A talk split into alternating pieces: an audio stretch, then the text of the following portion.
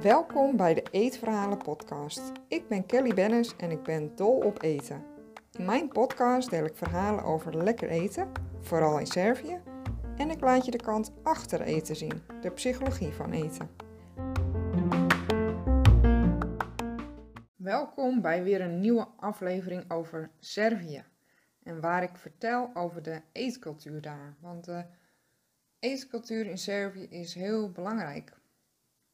Een van die dingen die je ja, steeds terugziet in Servië is de vleeswaren die ze zelf maken. Dat is echt een traditie en dat wordt samen gemaakt met bijvoorbeeld familie, vrienden, buren in november. Dat is echt een, ja, een gebeurtenis die plaatsvindt in november. Dan is het namelijk uh, wat kouder en dan kan het vlees goed verwerkt worden zonder dat het bederft. En daar is november natuurlijk uitgelezen tijd voor, omdat het kouder wordt in Servië. Nu is het zo dat dat uh, ja, ook een beetje verandert de laatste jaren. Soms, uh, meestal is het zo rond het weekend van, van 22 november. Maar we hebben ook wel een jaar gehad dat we ja, veel langer moesten wachten tot begin december. Omdat het uh, ja, gewoon nog niet koud genoeg was. Het was echt nog, nog warm. Afhankelijk van ja, de grootte van het gezin of hoeveel vlees er gegeten wordt, worden er een aantal varkens geslacht. Dat, ja, waar ik uh, vleeswaren heb gemaakt uh, bij mijn familie zijn dat twee meestal. En elk varken weegt rond de 180 kilo. Dus dat zijn ja, flinke, flinke dieren. En de voorbereiding daarvoor begint al veel eerder in het jaar. Want vaak worden die varkens zelf gehouden thuis. Dus dan worden ze gekocht als biggetjes en ja, verder grootgebracht tot aan het einde van het jaar, dus tot aan eind november. En dan s ochtends vroeg in de ochtend, als de vleeswaren gemaakt worden, dus rond een uur of zes, dan wordt het varken geslacht. Na de slacht wordt dan ook de huid schoongemaakt, zodat eh, de haren daaraf zijn. Vaak wordt dat gedaan met heet water of kokend water. Of wordt het eraf gebrand met een, uh, met een vlam. En vervolgens worden de varkens ja, door de lengte eigenlijk doorgesneden, zodat je de, ja, het midden van het varken ook ziet, of de, ja, de binnenkant zeg maar, en de ingewanden worden verwijderd. De ingewanden worden ook apart gehouden om iets mee te maken, want dat vind ik ook wel heel mooi dat het dier echt van kop tot staart wordt verwerkt. Kunnen wij nog wat van leren. De varkens zijn dus gehalveerd, organen zijn verwijderd en dan worden ze opgehangen aan een rek. Waar je dus uh, ja, de varkensdelen ziet hangen. Zodat ze makkelijk verdeeld kunnen worden in uh, verschillende stukken van het varken, verschillende delen. En zodat die daarna verder verwerkt kunnen worden zoals ik hier alles vertel, is vanuit mijn eigen ervaring, hoe ik het heb meegemaakt in Servië. Het kan natuurlijk zijn dat er uh, ja, tussen verschillende huishoudens of regio's in Servië verschillen zijn, individuele verschillen. Eerst worden de poten met het daarboven liggende deel uh, weggesneden. Bij de voorpoten wordt dat gebruikt voor pletschka. Ja, dat is ook een soort ham, om het even te omschrijven maar met wat meer vet en het uh, droogt sneller tijdens het proces, tijdens het fermentatieproces. De achterpoten worden gebruikt voor shunka. Dat is ook een uh, soort ham, dus van de, van de achterpoten. En ja, al die stukken vlees die worden dus uitgesneden. Hele scherpe messen. Uh, ja, dat is echt ja, fijn en ook heel nodig om ja, goed te kunnen werken.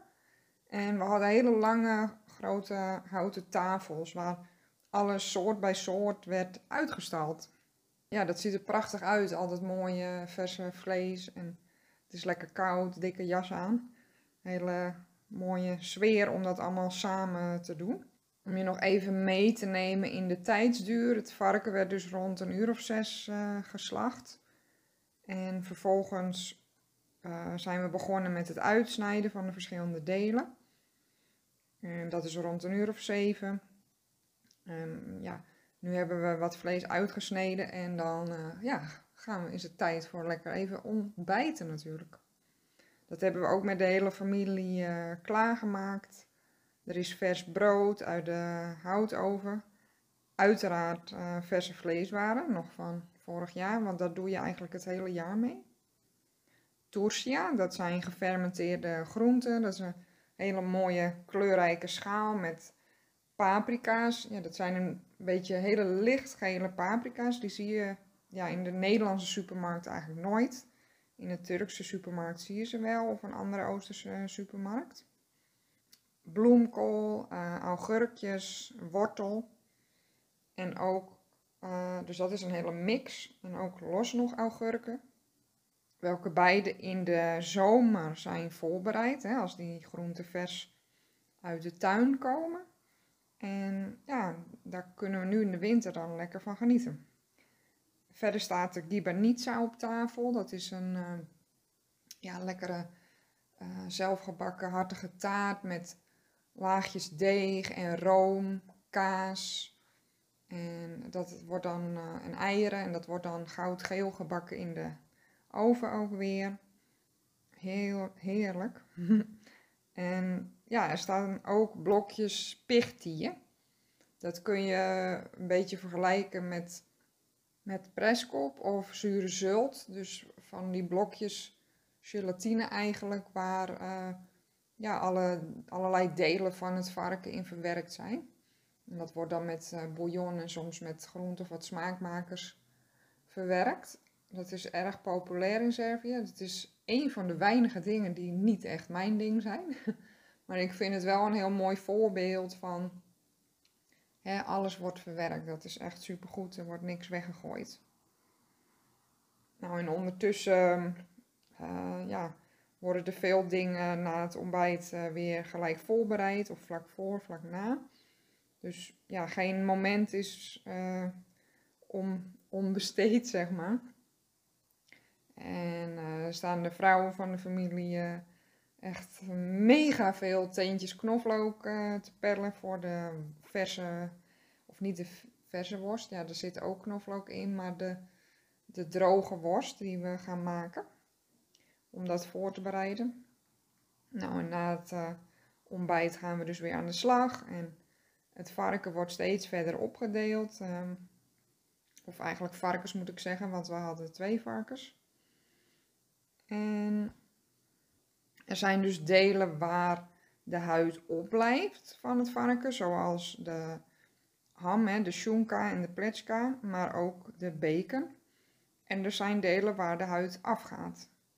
Zoals crème nadelen, dat kun je het beste vergelijken met carbonaatjes. En uh, beefsteak, ik denk dat je dat het beste kunt vergelijken met misschien een varkensfiletlapje, wat je kort bakt eigenlijk.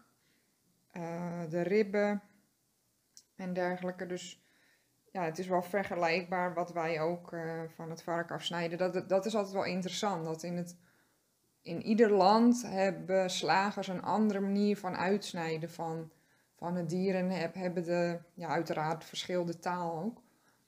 Um, maar de, ja, de delen zijn dus anders van naam en ook op een andere manier wordt het uitgesneden. Dus dat, dat is wel interessant altijd om die verschillen te zien daarin. En vervolgens zie je dus een heel tafereel van ja, met z'n allen aan de tafels. De buurman die sneed uh, het vlees uit. Petja die ging de onderdelen naar de tafel tillen.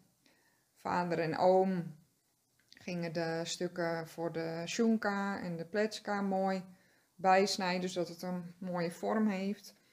En uh, ik en een vriendin uh, gingen bijvoorbeeld, en Petja ook, stukjes allemaal verdelen. Bijvoorbeeld um, de stukken die over waren, het vet, dat wordt ook allemaal uh, bij elkaar gedaan. Omdat we daar later ook weer een product van gaan maken, de volgende dag. Daar zal ik later nog wat meer over vertellen. En ook voor de stukken bacon worden bijvoorbeeld de ribben eruit gehaald. En die worden ja, helemaal mooi schoongemaakt met uh, met ijzerdraad. Dus het, ja, het is echt eh, een intensieve dag met, ja, waar je gebruik maakt van scherpe messen, lekker in de koele buitenlucht staat. Er wordt zelfs een heggenschaar gebruikt, bijvoorbeeld om de ribben door te knippen. En het is echt bijzonder om dat mee te maken, om echt te zien hè, wat is er allemaal vooraf gegaan. Het is heel arbeidsintensief. Voordat jij die lekkere vleeswaren eet, zie je wat er allemaal gebeurt, wat er allemaal voor nodig is. En dat is ja, heel belangrijk om, om mee te maken, vind ik wel. Alles ligt dus keurig gesorteerd op de tafels, pootjes bij pootjes, de stukken vet. En ja, alle delen die eigenlijk een beetje overblijven, kunnen gebruikt worden voor verschillende soorten worst. En ook de huid die overblijft. Huid gaat in de pichtieën, waar ik eerder al over vertelde. En er is ook een soort gekookte worst, waar onder andere ook het eh, hoofd, vlees, hart, longen en dergelijke in worden verwerkt. En dat is uh, geen gedroogde worst, maar een verse worst die je vers eet. Ook de botten die niet uh, gebruikt worden, nou ja, die worden wel gebruikt uiteindelijk voor de soep en dergelijke. Maar die worden ook schoongesneden, waarvan die ja, stukjes dan ook weer uh, in allerlei dingen worden verwerkt, zoals bijvoorbeeld de gedroogde worst. Uiteindelijk het vlees wat voor uh, ja, de gedroogde worst is bedoeld. En, en voor de verse worst ook. Dat hebben we door de gehaktmolen gedaan. En ja, dan, dan zie je pas hoeveel werk je hebt verzet. Want we hadden een lange tafel van ongeveer 2 meter lang bij 1 meter breed. En die lag helemaal vol met gehakt. En dat gingen we dan met z'n allen kneden. En daar ging onder andere zout overheen, paprikapoeder. Zowel uh, slatka, dus dat betekent zoet. Dus dat is ja, niet pittig, mild uh, paprikapoeder. En ook uh, ja, dus dat is scherp paprikapoeder. Lekkere pittige gedroogde worst wordt dat. En ook de knoflook daar gaat niet ja, de knoflook zelf in. Maar de knoflook is heel fijn gesneden en die gaat in een doek, wordt dat zeg maar uitgeperst. Dus dat het, ja, het knoflookwater of het vocht eigenlijk um, smaak geeft in de worst. Vond ik ook wel heel interessant om te zien. Vervolgens gaan we natuurlijk de worst zelf maken. En daar hebben we een worstpers voor nodig. En dan heb je eigenlijk een grote beker, ook wel vaas genoemd, die je ja, kunt vullen met dat uh, gehakt. En ja, dat gooi je er echt uh, als het ware in, zodat er geen, geen luchtbellen in je worst komen. Die sla je er daardoor uh, mee uit op die manier. En ja, vervolgens ga je, ja, gebruik je of darm of plastic en hebben we zowel verse worst en droge worst gemaakt. We hebben ook wrat gemaakt. Dat is het deel van de nek wat ook weer een soort ham is. Dus er worden heel veel verschillende soorten wel uh, gemaakt. En ja, het is waarschijnlijk nog niet eens compleet wat ik allemaal noem. Omdat ja, dat ook weer per huishouden verschilt. En het gewoon heel veel dingen zijn die je van een varken kunt maken. Maar je krijgt in ieder geval een idee met wat ik uh, hier heb verteld. Vervolgens hebben we ook de delen van het varken gezouten om, om bacon te maken. En dat gaat gewoon in hele grote cementkuipen, van die speciekuipen. Echt, echt hele grote. uh, maar daar kan je het best een beetje mee vergelijken. Die worden ook wel in de wijnproductie gebruikt. En ja, daar blijft het een paar weken in. Dan worden er weer andere handelingen gedaan om dat verder af te maken. En tussendoor drink je dan uh, lekker rakia, zelfgemaakt. Het is zelfgestookte drank. Die, uh, ja, sterke drank echt. Die bijvoorbeeld van druiven gemaakt kan worden of abrikozen. Na een fermentatieproces worden die verstookt. En dan krijg je een sterke drank van ja, minimaal wel 40% alcohol. En die wordt ja, graag gedronken bij dat soort gelegenheden want het is eigenlijk heel feestelijk uh, om dat met z'n allen te doen. En tussendoor hebben we ook bijvoorbeeld onze eigen rosé geproefd. En, en de merlot die we hebben gemaakt zelf eerder in de zomer. ja, dat, dat is gewoon mooi. In Servië leef je heel erg met de seizoenen en de producten die dat brengt. En ja, daar kan je het hele jaar verder weer van genieten. Dus dat, dat is wel heel mooi. En ja, we hebben vervolgens ook uh, verse worst gegeten. Dus die hebben we meteen gebakken en daar lekker van genoten. En de volgende dag hebben we het uh, ja, vet van het varken verder verwerkt. Tot uh, en mast. Zwartzi zijn zeg maar, als je het vet verhit, dan blijven er ja, vaste delen over. En dat zijn ja, lekkere knapperige stukjes varkensvet. Je kunt het een beetje vergelijken met kaantjes. Mast is vet van het varken, dus reuzel. En ik, ik had daar altijd een beeld over van, oh, nou, het zal niet lekker zijn, maar het is echt heel lekker, heel smaakvol, heel subtiel van smaak. En het is echt heel lekker voor, het is ook fijn, het, het kan tegen hoge verhitting, dus je kan er goed vlees in bakken. Het is lekker op uh, knapperig brood met goed paprikapoeder en zout erop. En ook door je aardappeltjes, uh, verrukkelijk. Uh, ja, gebakken aardappeltjes in de oven. Of als je jonge aardappels in de pan bakt daarmee. Echt uh, fantastisch. Daar ga ik ook nog een keer een podcast over opnemen om je uit te leggen hoe je dat doet. Wij hebben de laatste keer gemaakt in de zomer tijdens 30 graden. Dat is niet heel gebruikelijk, want we maken het dus normaal in november als het lekker koud is. Maar het was het waard, want uh, we genieten er nog steeds van. Je doet er best lang mee, uh, zo'n voorraad. En ja, dat is echt een heerlijke smaakmaker in de keuken. Dus ja, zoals ik al zei, uh, het is inspirerend om te zien hoeveel delen van het varken ze gebruiken. Alles eigenlijk. Van de lever kan je ook pastetta maken. Dat is eigenlijk paté.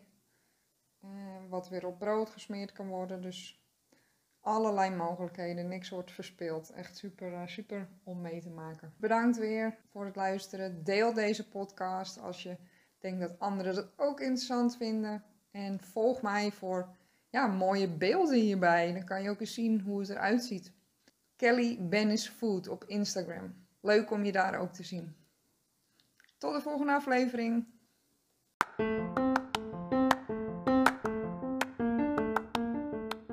Vond je het leuk om hier naar te luisteren? Of denk je dat het interessant is voor iemand anders? Deel mijn podcast, bijvoorbeeld met een screenshot op Instagram en een tag naar mijn account. Alvast super bedankt.